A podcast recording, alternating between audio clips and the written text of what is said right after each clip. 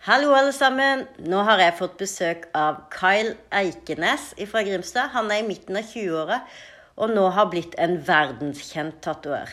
For dere som har fulgt med i media de siste ja, ett-to døgna, så har han blitt verdenskjent med å tatovere solskjær på, eh, på, en som hadde tapt et veddemål. Han har også nå vært eh, på verdensomreise i ja, nesten et år, Kyle, er det ikke det? Ja. ja det, det har vært spennende. Det har vært utrolig spennende. Men det som jeg tenker på nå Du er i midten av 20-åra, og, og, du har bare fått en eh, Ja, en, hva skal jeg si En eh, stige som har gått fra, fra første trinn til siste trinn på 1, 2, 3. Altså, hvordan har det vært? Hvordan har veien vært? Nei, altså, Det har skjedd utrolig mye de siste par åra. Um, skal vi se eh, Det hele begynte vel uh, i 2016, etter etter jeg hadde tatovert i et par år. Jeg starta å tatovere i 2014, men det var i 2016 vi flytta til Sørlandssenteret. Uh, og siden da så har det egentlig bare gått ganske Eller nokså kjapt oppover, egentlig. I 2018, altså i fjor, så startet jo med denne verdensreisen.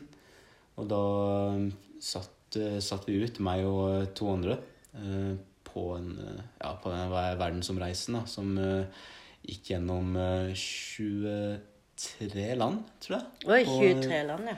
På en sånn syv måneders Ja, syv måneders tid.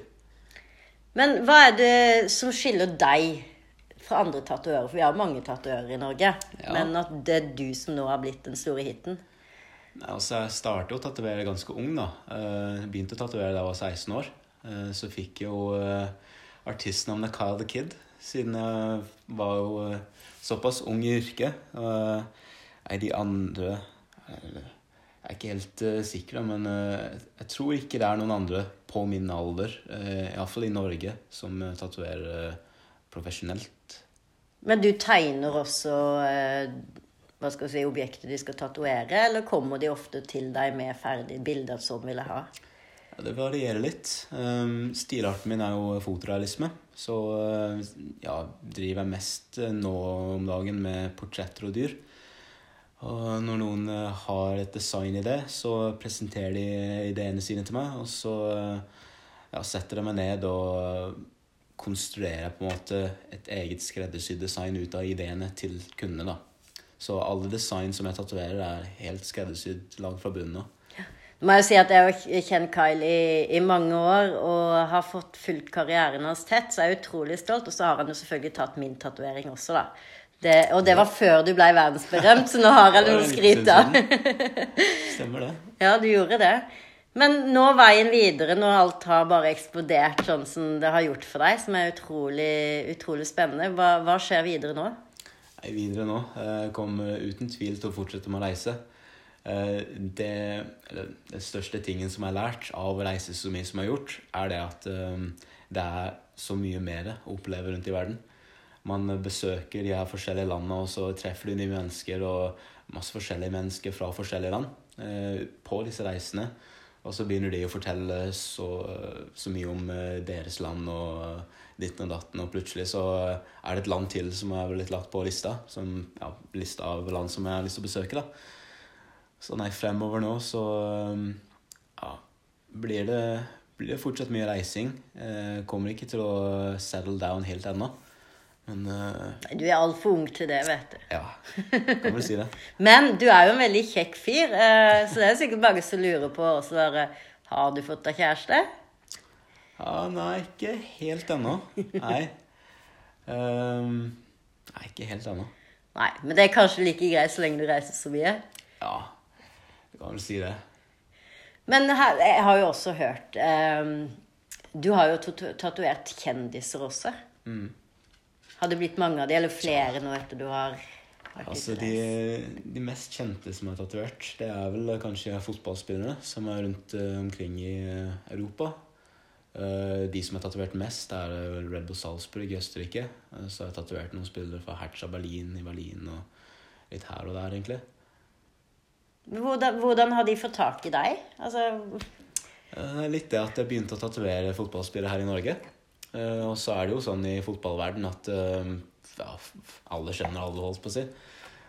Så det var jo tidligere spillere fra det ene laget som hadde blitt hva heter det, transferred til et annet lag. Og så har de fått høre om meg fordi jeg har tatovert de, og så har de lyst på å ha meg bort og gjøre litt jobb på de. Så flyr de meg bort, og så ja, sprer det seg sånn, holdt på å si.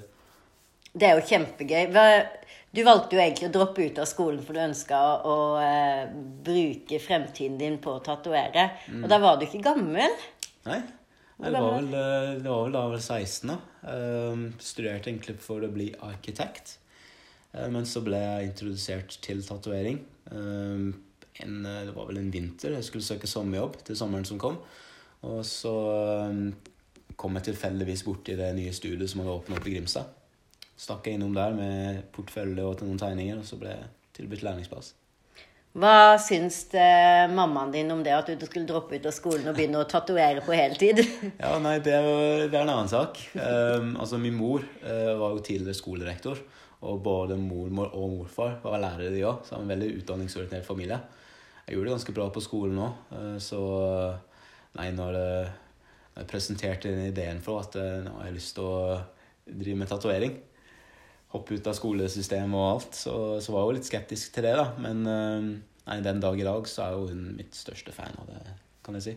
Ja, og til eh, 50-årsdagen hennes så tatoverte du henne sjøl. Ja, det stemmer det.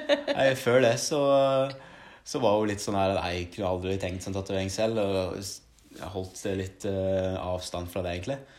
Eh, men etter hvert som jeg begynte å tatovere mer og mer, eh, så begynte å åpne seg litt opp, mer opp til det.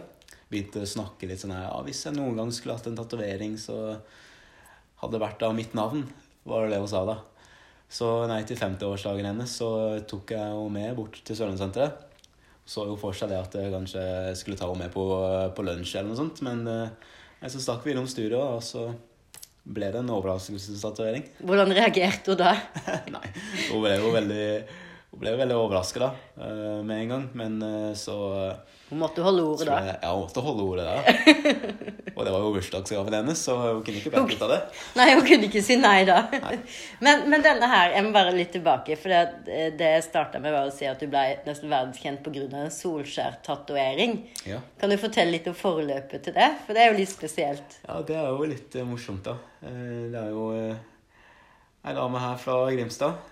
Det var du som uh, tipsa meg av eh, om, eh, om denne her eh, fyren som hadde tapt et veddemål. Eh, eh, det var vel en eh, United-kamp som eh, ikke så ut som det skulle gå så veldig bra. Så Mot PSG. At, eh, mot PSG, ja. Mm.